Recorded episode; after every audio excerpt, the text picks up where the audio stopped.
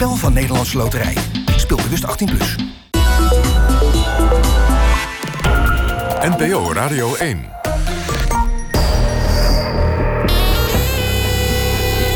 Argos. Human en de VPRO. Luizen in de pels. Onderzoeksjournalisten over hun vak. Tessel Blok. Goedemiddag en welkom bij Argos. Vandaag zit hier tegenover mij Marian Husken, door collega's wel de grande dame van de misdaadjournalistiek genoemd. Haar werkgebied is de onderwereld, maar ze kijkt vooral ook kritisch naar de bovenwereld, naar politie en justitie. En natuurlijk naar het schimmige gebied waar die twee werelden elkaar raken. Hartelijk welkom, Marjan. Dag. Wij kennen elkaar goed. Je hebt een uh, aantal seizoenen ben je lid geweest van uh, wat we toen hadden, het juridisch panel van Villa VPRO. Dat was eigenlijk het tegenovergestelde van het onderzoeksjournalistieke werk wat je altijd doet. Want daar moest je altijd onmiddellijk reageren op hele actuele ontwikkelingen. Vond je dat moeilijker? Uh, nee, ik vond het eigenlijk wel heel prettig, omdat je dan toch ook daarbij ging je toch weer denken van uh, hoe zit het in elkaar? En daarop bepaal je dan je standpunt. Ja. Het is nooit zo dat ik denk van oh, iedereen zegt dit, oh, dan vind ik dat ook wel. Nee, maar je had natuurlijk door je onderzoeksjournalistieke werk een enorme bagage. Ja. Die je daarbij dan weer van, hè, goed van pas kwam. Absoluut, zeker. Om snel en actueel te reageren. Ja. Heb jij een, een, journalistieke opleiding of ben jij gewoon toevallig dit vak binnengerold ooit? Ik ben het vak binnengerold. Ik uh, was Vertel eens hoe? Jarenlang eindredacteur bij Vrij Nederland. En op, als eindredacteur ontvang je ook veel tips en post. Uh, dat komt bij de eindredactie binnen. En op een bepaald moment was er post vanuit de gevangenis in Marokko. En daar zat een Nederlandse vrachtwagenchauffeur die ook bekende dat hij wel gesmokkeld had. Mm -hmm. Maar hij heeft Schreef hij een brief aan de eindredactie Vrij Nederland? Ja, mm -hmm. ja je krijgt veel post hoor, als eindredactie Vrij Nederland.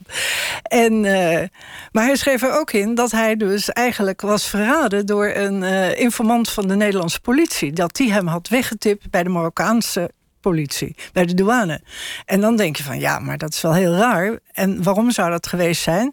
In Nederland was er de jacht op de grote drugsbaronnen. Mhm. En in Nederland werd gedacht van... als je nou maar mensen in de gevangenis hebt zitten... dan ga je langs, dan ga je, ga je zeggen dat je ze wil helpen... en dan verraden ze misschien wel wie hun bazen zijn.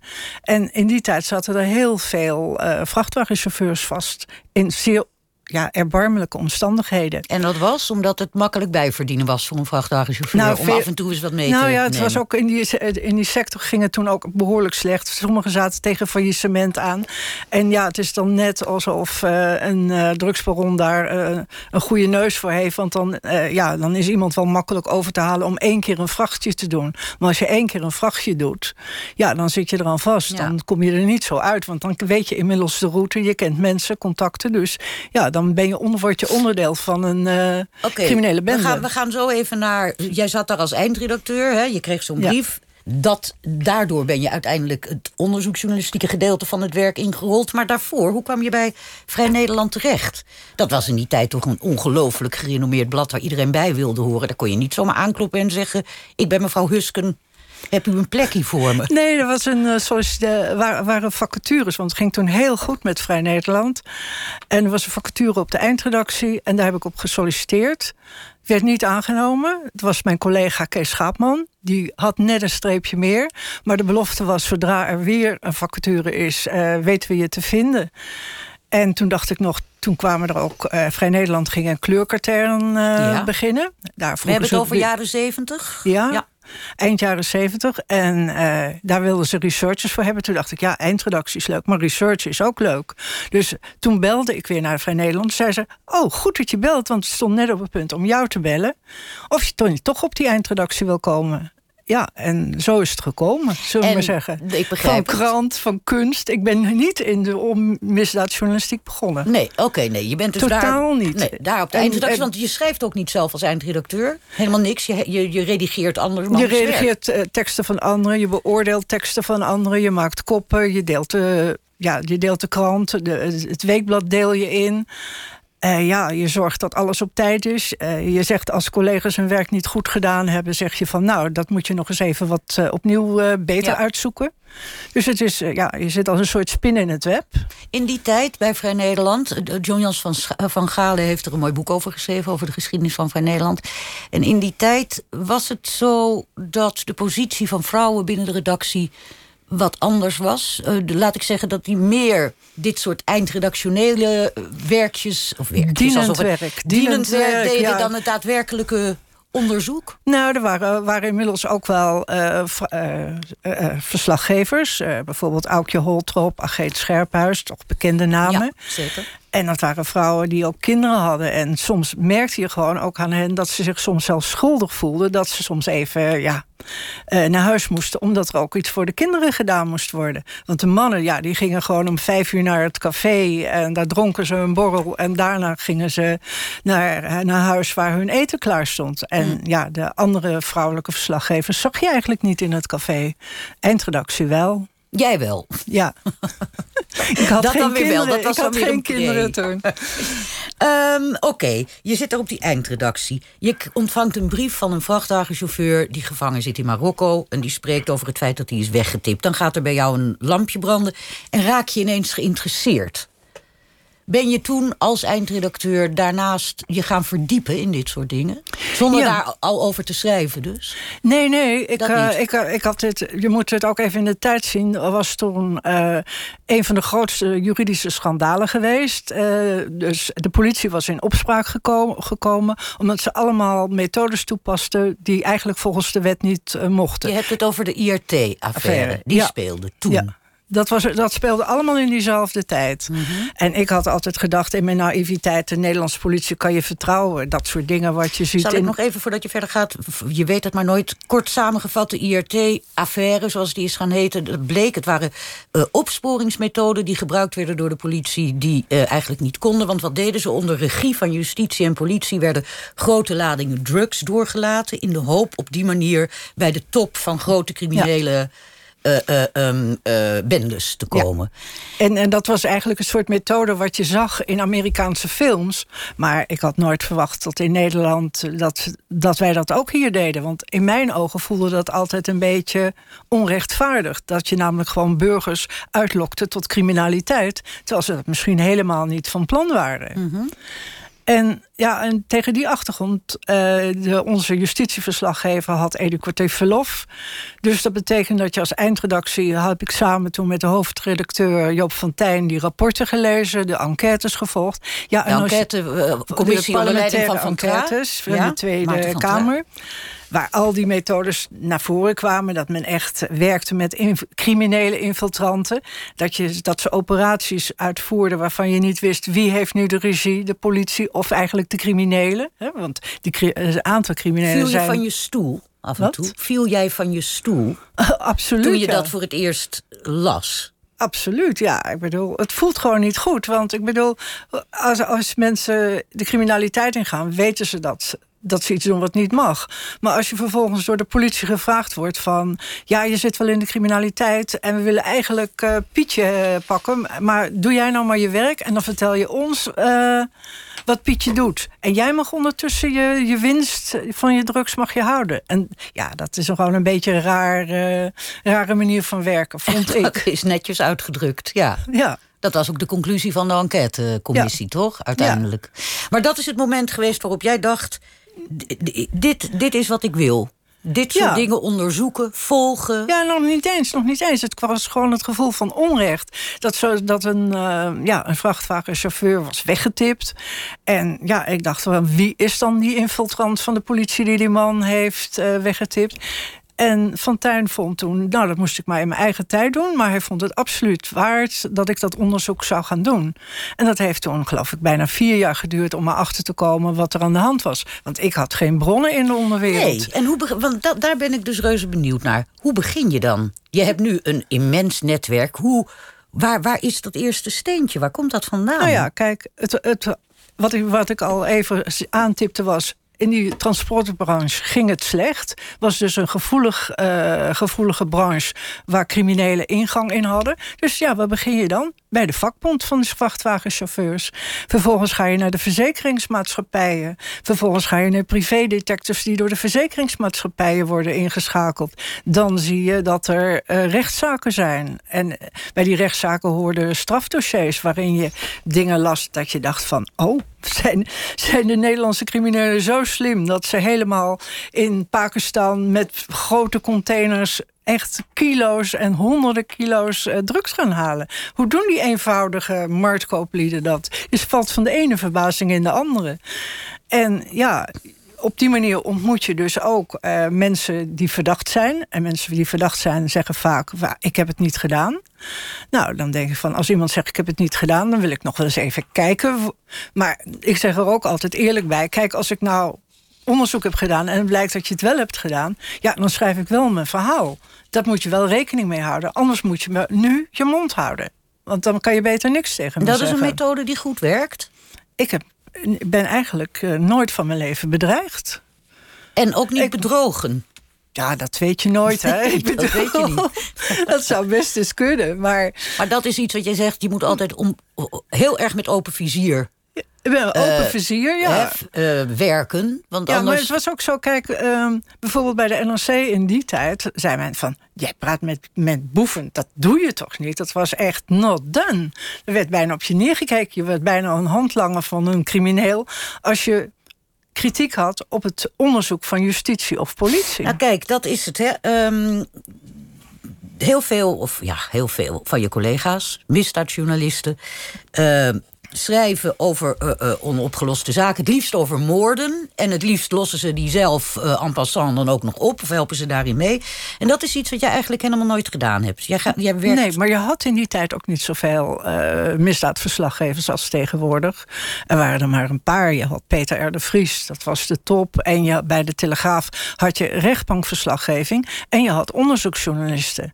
En rechtbankverslaggevers deden puur en alleen maar verslag. van één rechtszaak.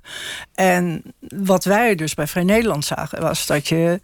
Een rechtszaak kan een aanleiding zijn, maar je moest verder kijken dan die ene rechtszaak. Dus wij gingen ook op onderzoek uit naast de dossiers die voorgelegd werden aan de rechter. Want immers in die jaren daarvoor was de rechter een rad voor ogen gedraaid. En hoe kon dat? Omdat de rechter alleen maar één dossier te zien krijgt en niet de overlap heeft met andere dossiers en kan zien dat hij belazerd wordt. Mhm.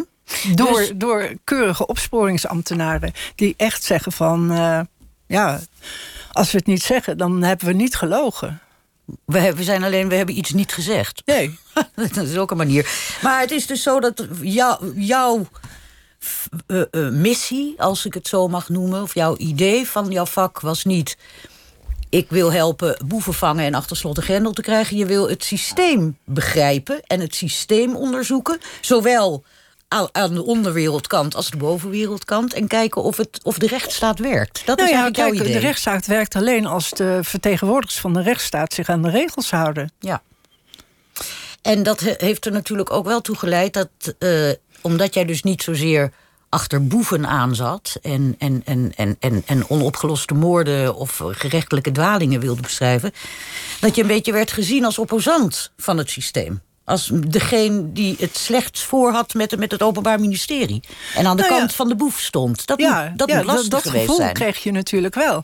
Maar aan de andere kant heb ik zelf natuurlijk uit eigen ervaring... en dat is wel erg lang geleden... en daar heb ik ook uh, een boek over geschreven... Deals en dodenlijstjes, wat dit jaar verscheen... heb ik voor het eerst ook een eigen ervaring in opgenomen. En dat was toen ik zelf getuige was van uh, misdrijf... en afspraken maakte met de overheid... en vervolgens bleek dat de overheid zijn afspraken Wacht niet nakomt. Rennen. Nou, nu, nu, nu, je, je, je noemt zoveel dingen tegelijk. Ja, je hebt dat, je boek, dat is dit voorjaar uitgekomen. Deals en dodenlijstjes. Ik heb het gelezen, dat gaat voornamelijk over eh, ge- getuigen, tegen wil en dank. Ja, en, getuigenbescherming, Precies. met name bescherming. Zei- je begint er nu al over. Ik had het wat later gepland, maar nu Oké, je dit nee, vertelt... oké. nee, dat geeft helemaal... Nee, terug. nu wil ik het ook wel weten. Ehm, we hebben het over het feit dat jij het belangrijk vindt... Dat, dat je aan de kaak stelt of een systeem goed werkt... en dat een rechtsstaat alleen maar kan bestaan... als er van overheidswegen ook op een nette manier omgegaan wordt met de burger. Ehm jij bent zelf tegen Willem Dank getuige geweest, zeg je, lang geleden. In Spanje, zei je dat? Dat was in Spanje, ja. Er was een schietpartij van de ETA, de Baskische Bevrijdingsbeweging, met de Spaanse politie. Neem een slok water. Ja. Jij was daar met een partner. Ja. Ik heb het gelezen natuurlijk. Dus ik kan even heel kort samenvatten voordat jij het overneemt. Kort. Jij bent met een partner in, in, een nogal onherbergzaam gebied. Ergens in het... Uh, Pyreneeën. In de Pyreneeën, ja. En daar lopen jullie een, een, een soort grot door. Een weg door een grot, gaat de ene kant op... en een weg aan de andere kant kom je, kom je de vallei weer uit... of het gat weer uit. Jullie lopen daar en daar komen jullie drie mensen tegen. En dan? En dan, jonge mensen. Nou, we komen de mensen niet tegen. Je wij hoorden schoten en we zagen de Guardia Civil, de Spaanse politie, die op iets schoot. En toen ik keek in welke richting ze schoten, zag ik dat de politie op mensen schoot. En ja, die mensen kwamen onze kant op. Daarna weghollend voor de schietende politie. En ze vroegen aan ons of wij een auto hadden. En uh, bedoel, mijn Spaans was niet zo goed. Ik keek alleen maar gefascineerd omdat een van die mensen ook nog geraakt was. Hij had bloed op zijn gezicht. En mijn vriend zei dat we geen auto hadden. Geen want hij had waarschijnlijk iets meer tegenwoordigheid van geest dan ik. Mhm. En uh, nou, die mensen gingen daarna de struikgewas in, omdat de politie weer achter hen aan zat. En wij stonden daar van. Ja, als, alsof wij er niet bij hoorden. Want ja, daar wil je niet tussen zitten tussen politie en mensen waarvan wij niet wisten. Waren het criminelen, waren het uh, ETA-leden? Want toen, uh, ja, Mhm. het was nogal een heftige politieke strijd. Was in de eh, jaren zeventig? was ook jaren zeventig, ja. En ja, van daaruit... nou ja, wij, uiteindelijk komen wij die kloof uit. En later bleek dus dat zowel de ETA-leden politiemensen hadden gedood... en dat de mensen die ETA-leden... eh, dat wisten wij niet hoor...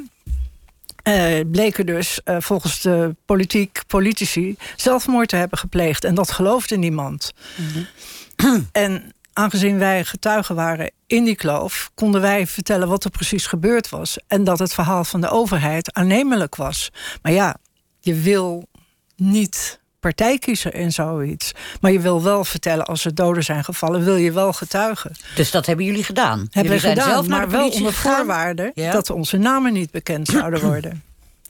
En dat werd toegezegd. Dat werd toegezet tot aan de rechter toe. Ja. En vervolgens, ja, dan komt er een politieke strijd in de Kamer in, in Spanje. En ja, dan zie je een minister toch wapperen met, de met de getuigenissen van de Hollandse getuigen. Wiens namen nooit bekendgemaakt zouden worden. En ja, de volgende dag ligt, ligt je naam op straat. De dag erop ligt je adres op straat. De dag erop ligt, is bekend waar je werkt. Dus ja, dan denk je van de overheid. Ik eh, geloof niet dat de overheid mij zo goed kan beschermen. Dat heeft, je, eh, heeft je, je, jou en je partner dat achtervolgd tot in Nederland en nog lang? Eh, nou, toch wel even enige tijd, ja. Want in Nederland, het gekke was... tot dat moment was er nooit iets van een aanslag geweest... Van de, vanuit Spanje in Nederland. Maar toen dit met ons gebeurde... waren er ineens aanslagen in Amsterdam. Door de ETA. Door de ETA. Hmm. Die ook opge, opgeëist werden door de ETA later. En die ook zelfs rechtstreeks in verband werden gebracht... met onze getuigenissen. Maar dus je ja, voelde je onveilig. Dus Nou, eh, omdat ja, je dacht, nou ja, vooral ook omdat je dacht... van daar wil ik dan nu naartoe. Dan, dan zijn we weer bij jouw rol en houding tegenover het OM. Zoals dat althans door sommigen wordt gezien. Je voelde je onveilig omdat je dacht... oké, ik heb een afspraak gemaakt met een overheid. Die heeft mij wat toegezegd. Maar kennelijk zijn er politieke belangen die meer spelen. En eh, daarom worden die afspraken met mij geschonden. En als dat zo gaat, zou dat hier in Nederland ook wel eens zo kunnen gaan. En dat moet niet. ja, dat, is een beetje, dat neer. zijn de drijfveren die je dan hebt. Oké. Daarom ben je argwanend. Nou, en dan, dan jouw rol en de rol van... want je hebt vaak met collega's geschreven, hè? Niet Ja. ook vaak alleen, maar ook met collega's. Jullie rol ten opzichte van het Openbaar Ministerie. Ehm, dat, dat, je kreeg scheve ogen daar. Dat OM wantrouwde jullie, maar niet alleen het OM... ook je eigen hoofdredactie had hier en daar nog wel eens een vraagteken bij jullie stukken, toch? Ja, nee, zeker. Want soms heb je natuurlijk wel verhalen die moeilijk te bewijzen zijn. En ja, dan wordt er geëist dat je zelfs tot op de, de bankrekeningen bijvoorbeeld van iemand nog aan je hoofdredacteur kan tonen. Ja. En op een bepaald moment was er grote rechts... Je, sorry dat ik je even onderbreek. Vind je dat ook niet terecht? Dat als jij met een verhaal komt dat dat echt waterdicht moet zijn voordat je het publiceert. Tenzij je heel duidelijk schrijft: luister eens, het is enigszins. Eh, eh, eh, het is maar een suggestie die we hier nee, doen. Nee, het zou nee, nee. Ik vind, het zeker. Want zelfs bijvoorbeeld, uh, zegt toch een van de grotere scoops van de afgelopen jaren van Bas Haan van Nieuwsuur. de bedoel, bonnetjesaffaire? Ja, de bonnetjesaffaire. In het verleden had ik ook al over die deals geschreven. En die deal was ook aan mij gegeven. Maar ik had één bron en ik had nog een halve bron waarvan ik dacht van ja, eigenlijk hoort dat, is dat dezelfde, vind ik. Dus ik vond dat wij, wij konden dat niet opschrijven. En Bas Haan had de mazzel dat er ook nog een anonieme brief was gekomen. En hij vervolgens langs allerlei deuren is gegaan. Dus ja, dat was gewoon gezonde concurrentie en samenwerking. Want ik wil, we hebben er ook wel met elkaar over gesproken. Ja, maar jij zegt dan, oké, ik vond die ene bron... dat is mij ook geleerd, vind ik zelf ook, is te weinig. En ja, Bas had dezelfde en, en een klein mazzeltje van een anonieme brief... en die vond dat dan wel voldoende om ja, het groot te publiceren. Ja, zo, zo, gaat het, zo gaat het in de onderzoeksjournalistiek. Dan de argwaan van niet alleen het OM... van is die vrouw op de hand van de boeven en is ze tegen ons... maar ook de argwaan van je eigen hoofdredactie. Daar was je mee bezig? Ja, uh, ja, gewoon om. Er was bijvoorbeeld, dan moet ik even het voorbeeld geven. Ja? Het was een bizar voorbeeld. Uh, er ging het verhaal dat er een, een, seksvideo was gemaakt in een club, in een privéclub. En daar zouden leden van het Openbaar Ministerie op zijn. Nou, de, de, opstaan? Opstaan. Officieren van justitie in onderbroek of erger? Nou ja, eh, wat er precies op stond, ik weet het niet. Ik heb de video nooit gezien. Maar de beschrijving, dat was wat, uh, waar men uh, probeerde te achterhalen. Het Openbaar Ministerie wilde proberen om die video te vinden. Maar dat werd ontkend. Toen ik met dat verhaal bij mensen van het Openbaar Ministerie kwam... zei ze van, nee joh, dat is een onzinverhaal.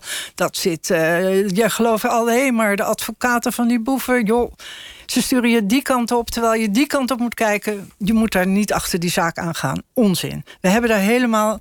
En zeker hebben we daar nooit geld voor geboden aan Want dat werd ook gezegd, hè? Dat werd ook gezegd. Een vrouw die werkte in die club zou geld geboden hebben gekregen van het OM. 25.000 gulden. Als dat is wel een waanzinnig bedrag in die tijd. Dat was het, dat, hè, dat, dat was het verhaal wat, je, wat jij ook te horen kreeg... als zij hen aan die videoband kon helpen allemaal niet waar, zei het OM. Ja, dus het was op zichzelf een gek verhaal. Maar goed, die vrouw had toch redelijk... kon mij redelijk overtuigen. Maar goed, dat was maar één bron. En zei, ze had het kunnen verzinnen. Mhm. Want er zijn veel mensen die goed kunnen verzinnen. Maar een aantal jaar, een paar jaar later, uh, was er een rechtszaak waar dit onderdeel van was, hè, van waar die vrouw ook terecht moest staan. En werden, toen werden de leden verhoord van de criminele inlichtingendienst van de politie. Ja. De, de mannen die die vrouw geld geboden zouden hebben. Tot dan die werden verhoord door Doedens? Ja, niet. Pieter tot dan toe had iedereen altijd alles ontkend. En die werden toen door Doedens ondervraagd. Die mannen zeiden, mogen zeiden toen van... nee, we mogen niks zeggen van de officier van justitie. Dat was toen Fred Teven. Nou, eh, dat, vond, eh, dat werd nog toegestaan door, eh, door de rechtba of het Hof, was het inmiddels al. En vervolgens werd de chef van die twee mannen... Uh, van die twee mannen die dat geld geboden hadden, uh, gehoord. En toen kwam pas heel, bij heel, heel zachte toon kwam er uit dat er inderdaad een koffer met geld was getoond aan die vrouw. Dus het bleek allemaal wel waar te zijn. En pas onder Ede en onder, uh, onder de druk, beroemde en, druk, zuigende druk van advocaat Doedens kwam het eruit. Ja, toen kwam dat eruit. En inmiddels was uh, de hoofdredacteur Joop van Tijn leefde toen al niet meer. Maar toen had ik wel zoiets van, nou, als er iets van een wereld is... ik hoop dat hij naar beneden kijkt en dit ziet. Want dat leek me toch wel leuk. Dat we toen toch wel goed zaten met ons gevoel van... ja, hier is iets raars aan de hand. En wat was er aan de hand? Het had te maken met twee onderzoeksteams die allebei onderzoek deden. De een naar de Heineken-ontvoerders en de andere naar een ramkrakenzaak. Mhm. En die twee zaken liepen op een of andere manier door die rare seksvideo door elkaar. Ja, want die, dat, dat kwam omdat die club die beroemde club, waar de, dat was eigendom van de Heineken-ontvoerders. Ja. Van Holleder onder andere. Ja, van Holleder, ja, dat is waar. Komen we zo op hoor, op Holleder. Ja, en, en, en inderdaad. En degene die toen onderzoek deed naar uh, met name Van Hout en Holleder, dat was Fred Teven. En die wou absoluut niet dat bekend werd dat hij daar onderzoek naar deed. Dus hij liet nog liever kennelijk dan een strafzaak kapot gaan... dan dat, uh, dan, dan, dat, het naar buiten mocht komen. Jij hebt uh, door, door de jaren heen heel veel criminelen of vermeende criminelen kunnen spreken en kunnen volgen. En veel onderzoek gedaan. Wat je ook hebt gedaan, wil ik toch niet uh, voorbij laten gaan, want het is te leuk voor woorden. Is dat je hun eetgewoonten een beetje hebt onderzocht. Je hebt daar een boekje over geschreven. Uh, crimineel eten heet het. Eigenlijk over de eetcultuur van criminelen. Hoe kom je nou toch op dat idee? Nou, als je veel in uh, de rechtszaal zit. of afspreekt met bronnen, dan spreek je altijd af of in wegrestaurants. En je hoort uh, als criminele zaken doen, dan zitten ze weer in die tent, dan weer in die tent. Of dan moeten ze weer langs bij Broodje Rai. Ja, en als ze wat te vieren hebben, doen, dat doen ze ook in luxe restaurants. En ja, van de ene. En mensen uit de gevangenis stuurden mij bijvoorbeeld labels van hun eten. Er was bijvoorbeeld iemand die heette Martin Kok. Hij leeft niet meer, hij is uh, onlangs, nou ja, een paar jaar geleden vermoord. En ja, die had bedacht dat hij, als hij zei dat hij Joods was, dan kreeg hij beter eten dan als hij niet Joods was. Oh? Ja, een speciale ijskast en uh, voedsel Koosje. onder rabiaat uh, toezicht Rabinaal, gemaakt. ja? Niet rabiaat, rabiaat denk ik. Nee, rabiaat lijkt, me niet, lijkt me niet echt lekker. dat is een rabinatenman. Rabina rabinaal toezicht. Oké, okay, um, Jij hebt dus dat boekje gemaakt. Je bent ja. daar best veel mee in de publiciteit geweest. Iedereen valt er natuurlijk over. Te, te leuk voor woorden. Ja, ik, moest, ik heb zelfs staan koken bij, bij Omroep Max in de studio. Wat heb je gekookt? Uh, courgettes zoals een of andere grote Spaanse of Amerikaanse maffiabaas... Uh, die zelf graag bereiden. Oh, oh, die kookte ook nog wel zelf. Die ging niet alleen duur nee, uit eten. Nee, nee. We gaan Het is even... een beetje zoals Tony Soprano natuurlijk. We gaan hè? zo even luisteren naar iemand die wel heel vaak heel duur uit eten ging. En wie is Rooie Ron, die wij zo gaan horen? Roy Ron is zogenaamd een van de IRT-criminelen. De mannen die rijk werden omdat ze drugs mochten importeren van de Nederlandse politie. Oké. Okay. We gaan even luisteren naar hem. Een fragment uit één vandaag. Uh, rond het verschijnen van dat boekje van jou. Crimineel eten. In een restaurant worden de beste zakelijke deals uh, uh, gedaan natuurlijk. Hè? En, uh, en een goed vooruitzicht. En dat wordt dan vaak beklonken met een glaasje champagne of of een lekkere fles wijn. Ze noemen u ook wel Mr. IRT. U zou met hulp van de overheid honderden miljoenen guldens hebben verdiend aan de handel in wiet. Is dat zo? Zo wordt het beschreven. En zo is het ook gegaan? Ik ga het niet bevestigen, want ik, zeg je, ik ga er inhoudelijk niks over zeggen. Wel wil Rooie Ron nog een voordeelprijs geven van het afspreken in luxe restaurants. Justitie en politie gaan niet natuurlijk de hele tijd uh, ook in al die dure restaurants zitten. Ja, je nalopen. En dan krijgen ze ook een dure rekening natuurlijk als het elke keer 600, 700 per couvert is. En misschien wel duurder. En vaak is het ook zo. Dan is het wel eens 1200 of 1500. Ja, en dan... Uh, uh, en hun gaan daarna zitten met een colaatje. Dat schiet helemaal niet op natuurlijk. Dus dan valt men meteen op. Justitie jaagt op zijn geld. Toch zit hij naar eigen zeggen maar twee maanden in de gevangenis. Nou, daar gaat hij. Voor de rest viert hij feest. Zoals op een kerstavond in de jaren 90. Als hij met zijn criminele vrienden afspreekt in het chique restaurant van het Okura Hotel. Ja, op een gegeven moment uh, de beste flesje champagne, Dom Perions eruit. En uh, we werden helemaal dronken daar. Toen moesten we afrekenen. Toen was het geloof ik 11.000 of 12.000. Maar hij had in ieder geval een fooi gekregen erbij. En de fooi was het weinig, want ze hadden die ober ingehuurd. En uh, die was er met de fooi vandoor. De stemming die sloeg een beetje om bij ons. Die kogelbiefstuk was ook niet te eten, dus ja, toen heb ik een foutje gemaakt. Toen heb ik maar in het plafond geschoten. Ja, dat was met recht een, uh, een.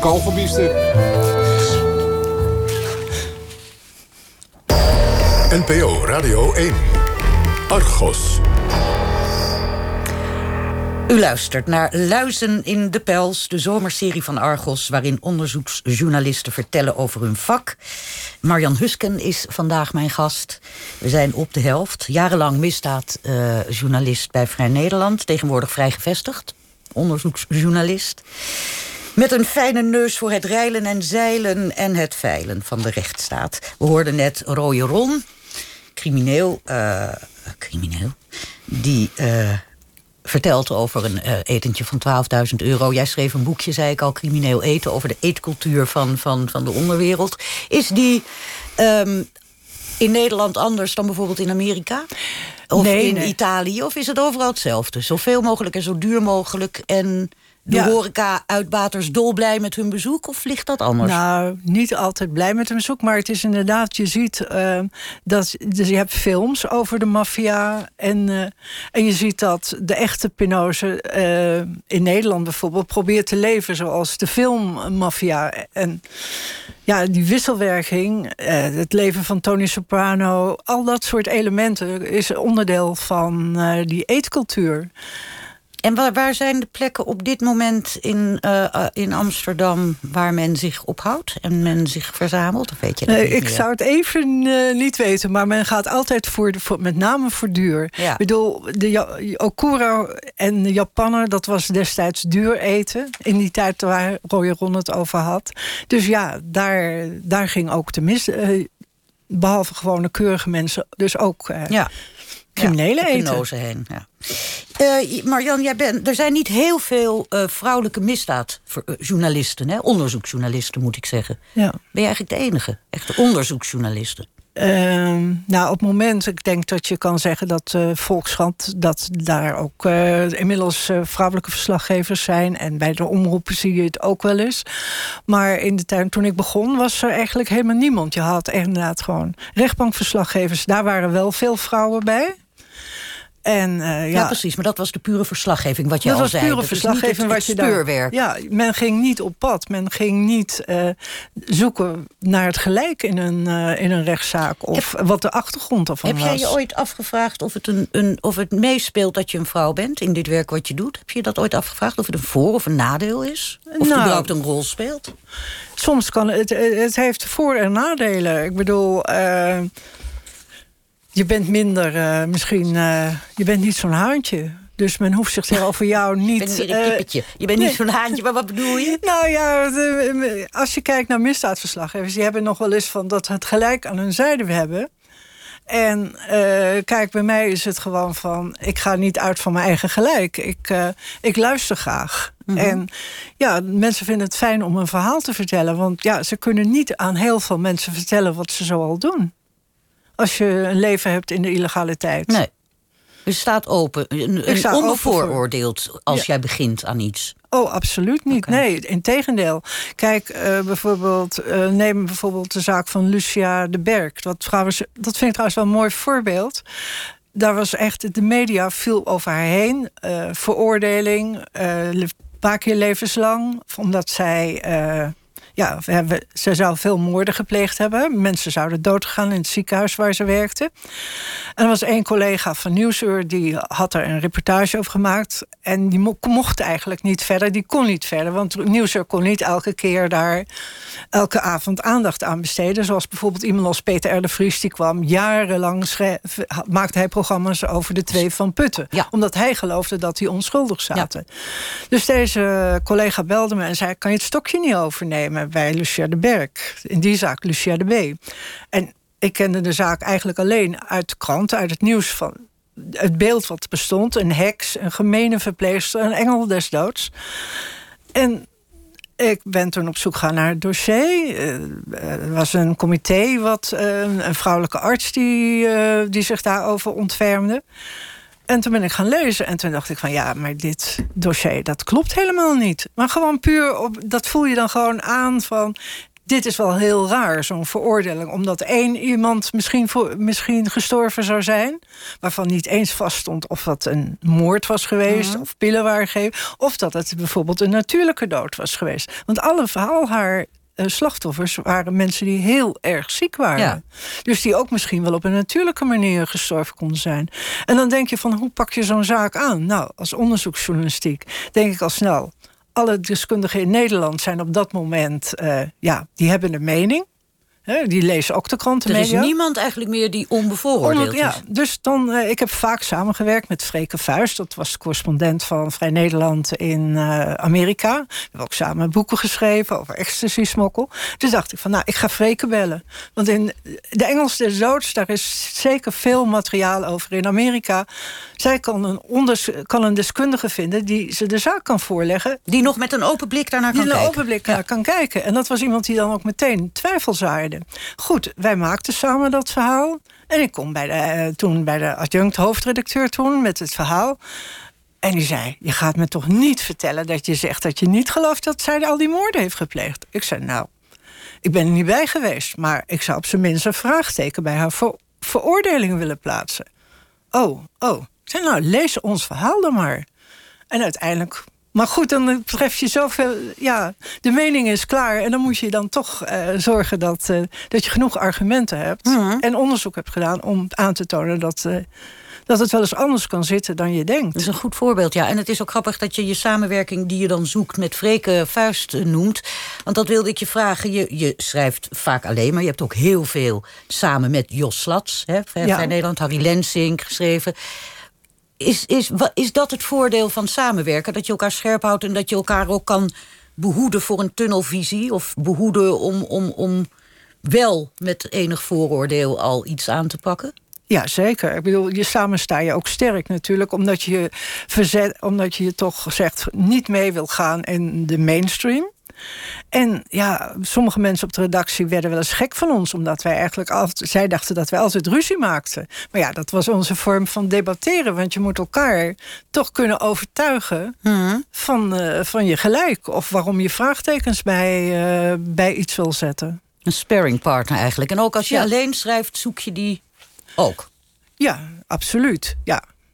Je weet, je kent de valkuilen. Je kent ja, de je kent, ja, ik bedoel, Je, je, wil, kijk, je, je hebt bij de politie is ook altijd gezien van op een bepaald moment heb je een beeld en dan eh, denk je dat is de dader. en dan, ja, er is niet voor niets tunneldenken Nee. geweest. En eh, grote schandalen over tunneldenken. Dat mensen veroordeeld werden die het niet hadden gedaan. Schiedammer Parkmoord is er zo een. Ja, nou ja, kijk. En, ik ben En Lucia de B. ja, De ja, ook. En ben ook toen die mensen weer vrij zijn gekomen. Dat vind ik dan ook. Ja, dat hoort, eh, maakt het verhaal en mijn journalistiek compleet. Toen wilde ik na een aantal jaren, toen ze vrij waren, wilde ik ook weten hoe het met die mensen is gegaan. Dus toen ben ik bij Lucia de B op bezoek geweest, wat het toch met haar gedaan heeft. Hebben ze gesprek gevoerd, interview. Ben bij Kees B op bezoek geweest. Die man die dus van pedofilie af, ja, pedofilie, ja, werd beschuldigd. En ook op de, moor, en de moordzaak waar die die niet had gedaan. En dan, ja, dan kom je toch wel bij mensen thuis waar je niet had verwacht. Eh, ja, dan kom je in zo'n wereld terecht dat ik zelfs ik verbaasd was.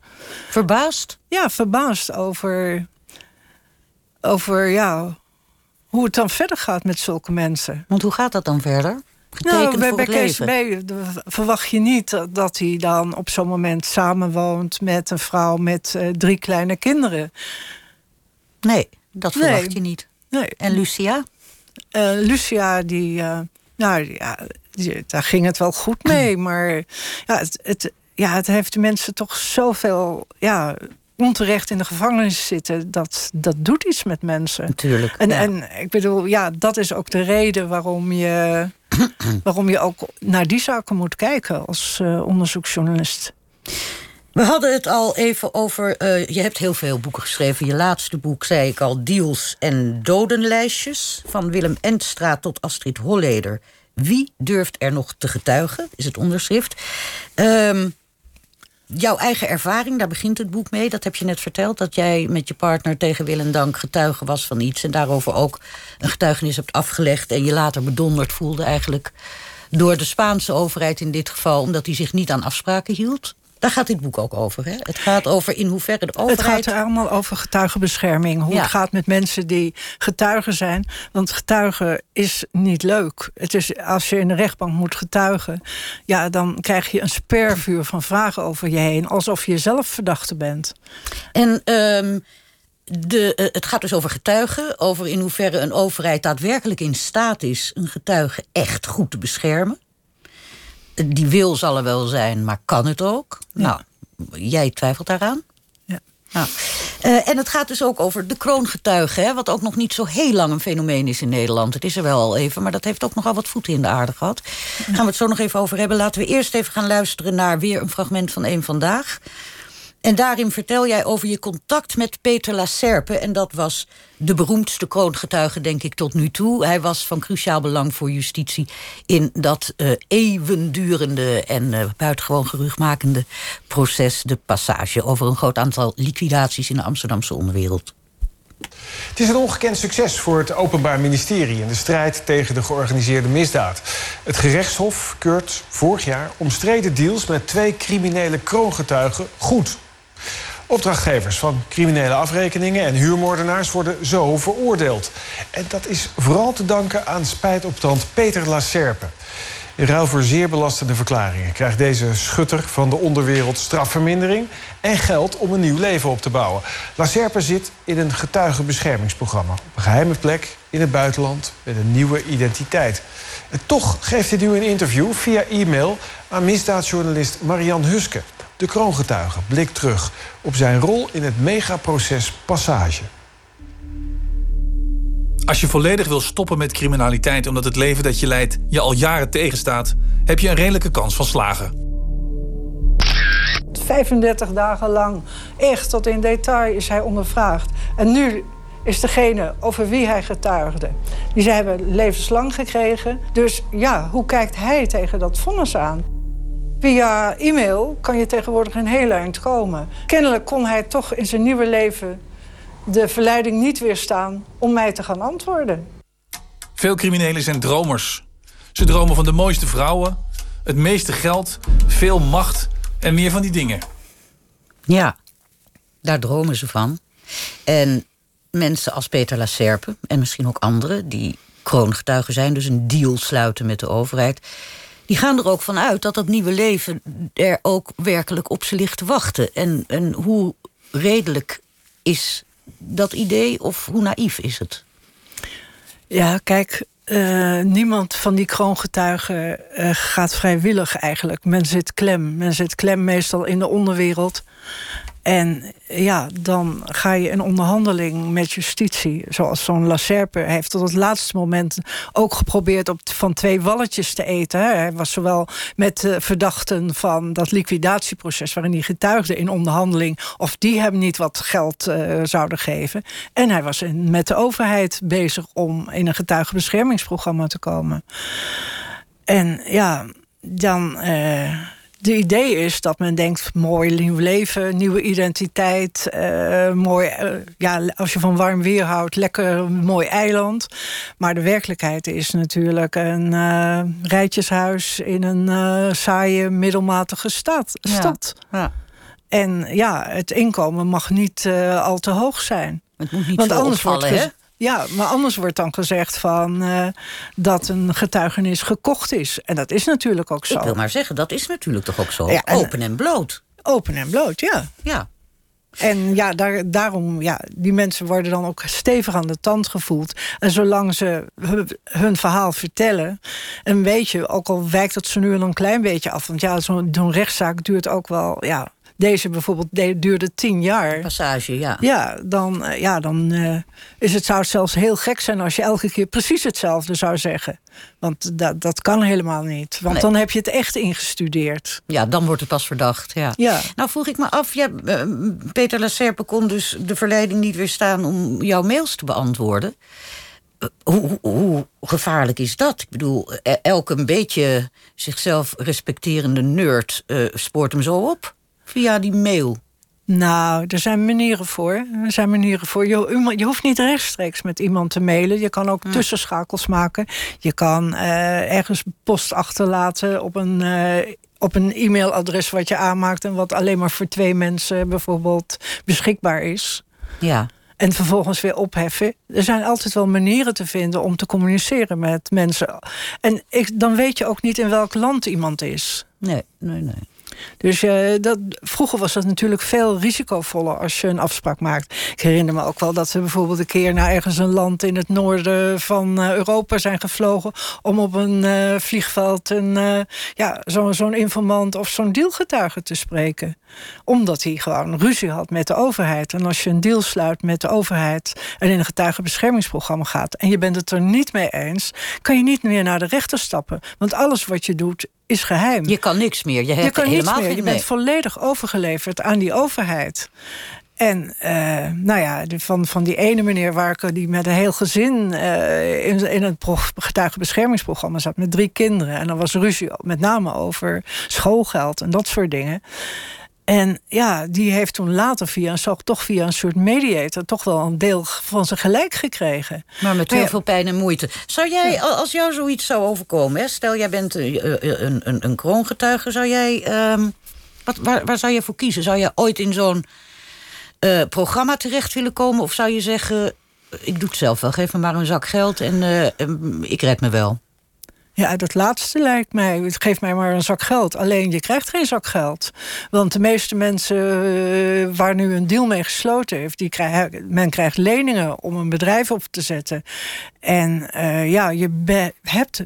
Ja, zo, zoveel jaren heb je de verplichting om te komen getuigen. En kroongetuigen zitten alleen maar in grote processen die jarenlang duren. Dus probeer maar eens een nieuw leven op te bouwen. Als, Ja. je, als je dat zou moeten doen.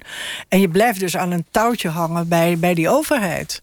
Je, je, ik bedoel, als getuige ben je, als je ergens getuige van bent, ben je behoorlijk slecht af. Ja, dat is in, eh, ook wel een beetje de conclusie van, van je boek hoor, als ik eh, Ja. dat gelezen heb. Ja. En, en ik bedoel, wil niets ten nadele zeggen. De mensen die in een getuigenbeschermingsprogramma die daarvoor moeten zorgen, zullen hun uiterste best doen. En het zal helemaal niet makkelijk zijn om met bijvoorbeeld, de meeste kroongetuigen zijn ook crimineel. En zoals je weet, criminelen houden ze niet van regels. En zodra je in een getuigenbeschermingsprogramma stapt, moet je je aan regels houden. ja, ja. Nou, Lastig. dat, dat, Gaat dat, niet samen. Dat botst. eh, Ja. Ik bedoel, eh, een deel van de kritiek van die mensen zal ook wel niet waar zijn. Maar een deel is ook wel waar. Want je gaat er nooit voor je, voor je lol in nee, zo'n programma. natuurlijk niet. Ja.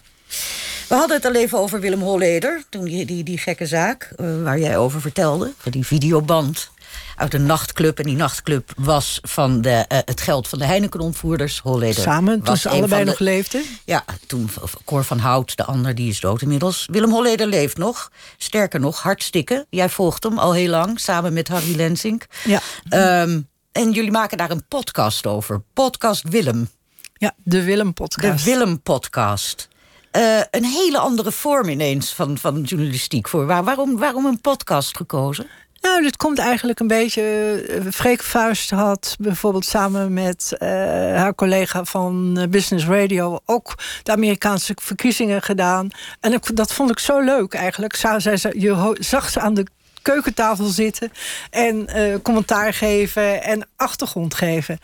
En Harry en ik we hebben drie boeken, geloof ik, over Holleder geschreven waar die in voorkomt. Laatste was nog weer de jacht op crimineel geld. Het Heineken geld, waar het ook heel veel over gaat tijdens dit proces. Zeker. En eh, ja, we wilden gewoon, ik wilde gewoon eens wat anders. En nou ja, Harry vond het ook wel leuk. Bevalt het je, deze vorm? Bevalt het? Ja? ik vind het ontzettend leuk. Omdat je nou gewoon nu op weer gedwongen bent om op een nieuwe manier naar een oud onderwerp te kijken. Want je hebt natuurlijk al heel veel geschreven, uitgezocht. En nu moet je het op een eh, andere Ja, wat- manier Precies, vertellen. en hoe doe je dat dan? Hoe doen jullie het? Hoe is het verdeeld? Want je hebt natuurlijk, wat ik al zei, een enorme bagage. Je hebt al Ja. heel veel. Wat doe je... Wat, hoe, hoe voeg je er nu iets aan toe waardoor het die spannende podcast wordt? Ja, ik weet niet eh, of de lezers het spannend vinden, maar we hebben best veel luisteraars, tot mijn verbazing. Ehm, ja, we geven. Kijk, iedereen volgt het nieuws, gaan we vanuit. En dan denk ik, als je echt geïnteresseerd bent in de Hollandse penose, want het is eigenlijk een tijdperk, hè, Mhm, de Hollandse penose. Dan proberen wij iets extra's te geven. Dus bijvoorbeeld, we hebben gedaan het eh, taalgebruik van de Holleders. Zowel van Astrid Holleder als Willem Holleder. Ik bedoel, het is fascinerend om te zien dat een keurige advocaat als Astrid... het ene moment praat als een advocaat... en vervolgens als de emoties komen... dat je daar ineens Enorm een soort kijven. kijvende vrouw er Ja. daar ziet. En een taalgebruik en de kid dit en... eh, nou... eh, dat, dat kan je, niet, kan je bijna niet met elkaar in eh, overeenstemming brengen. Ja. Dus en ja, en, en ook wat, wat ook grappig is, ik bedoel, het gaat over serieuze zaken, moord en doodslag. En ja, en dan Holleder die dan toch nog weer van die Cruyffiaanse eh, woor- zinnen maakt, waardoor je toch mensen, ja, waardoor je onbewust in de lach schiet. Ja. Terwijl je eigenlijk denkt van, ik, ik zou hier helemaal niet om willen lachen. Maar het is gewoon, ja, dat, dat fascineert. Ja. En ik denk, ja, dat is iets wat je meegeeft aan de luisteraar. Uh, die podcast uh, gaat niet alleen over het proces tegen Holleder. Jullie hebben ook aandacht besteed aan het uh, vervelende fenomeen... dat er de laatste tijd nogal wat van jouw collega's bedreigd worden, daadwerkelijk bedreigd worden. En een van hen is Paul Vugts van het Parool, misdaadverslaggever. De, laten we even gaan luisteren naar een stukje van hem. Nou ja, kijk, in dit geval kreeg ik gewoon, kwam er aan allerlei kanten informatie dat er heel concreet een moordopdracht voor mij is afgegeven. Uh, in het, uh, laat ik zeggen, door Marokkanen gedomineerde criminele milieu. En daar kwam op een gegeven moment zoveel bevestiging uh, van. En zoveel, zo specifiek via allerlei kanalen en manieren. Uh, dat ik niet alles kon dat het zeer serieus te nemen. En uiteindelijk, het heeft een tijd gesleept. Maar in oktober ben ik uiteindelijk uh, uit huis gegaan. op zeer dringend advies van de overheid. Maar daar was ik het zelf toen ook wel mee eens. Ik kon niet meer dat, als ik dat al zou willen afwimpelen als... oh, dit waait wel over. Dit waait er niet over. Ja, Paul Vugts van het Parool. Die wordt bedreigd vanuit de mokromafia. Uh, ben jij zelf eigenlijk wel eens bedreigd? Um, Zo serieus? Zoals Paul? Nee. Dat zijn, het zijn echt andere tijden. Nu? Nu zijn andere tijden, Heftiger. ja. Ik bedoel, eh, ik, ik weet niet uh, misschien of de luisteraar de film Gomorra kent over de maffia. Dat is een film over jongens in een achterstandswijk... die alleen maar één carrière kunnen maken in de misdaad. En dat is soldaat worden van de maffia.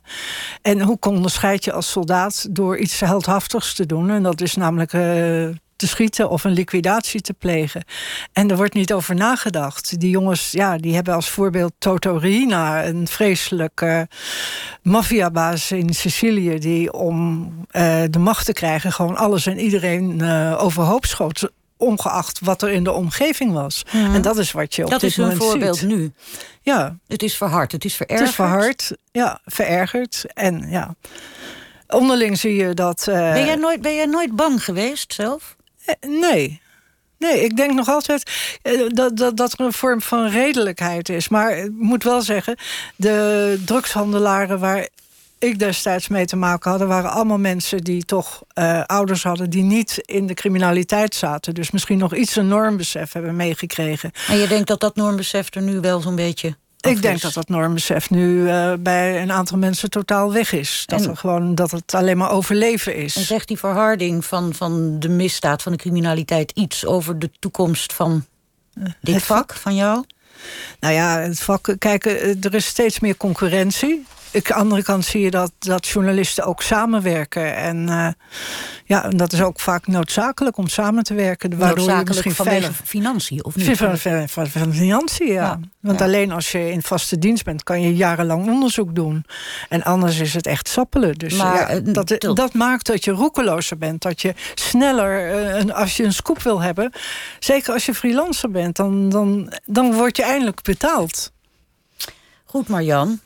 Ik wens je heel veel succes met de podcast. Vast Dank je wel. eh, een, een, een We zijn boek. genomineerd, hè? Je bent genomineerd voor Ja, wat? voor de BNR Award. Dus Zijn er ook podcasts die niet genomineerd zijn? Volgens mij zijn er heel veel genomineerd. Zo Wij ook. Daarom stemmen we op ons. Gefeliciteerd bij deze alvast. Heel erg bedankt, Marjan Husken. Volgende week zit hier op deze stoel Max van Wezel himself. En hij ontvangt een onderzoeksjournalistiek duo uit Limburg. Claire van Dijk en Johan van, Dijk, van Beek sorry, schrijven over de, voor de Limburger... over de geradicaliseerde moslimkinderen van Maastricht. Leverden ook een prachtig boek op over Sultan. Voor zover wij nu weten de enige Nederlandse uitreiziger... die een massamoord pleegde in Irak. Met zijn eigen lichaam als wapen. Dat volgende week. Straks kunt u luisteren naar Radar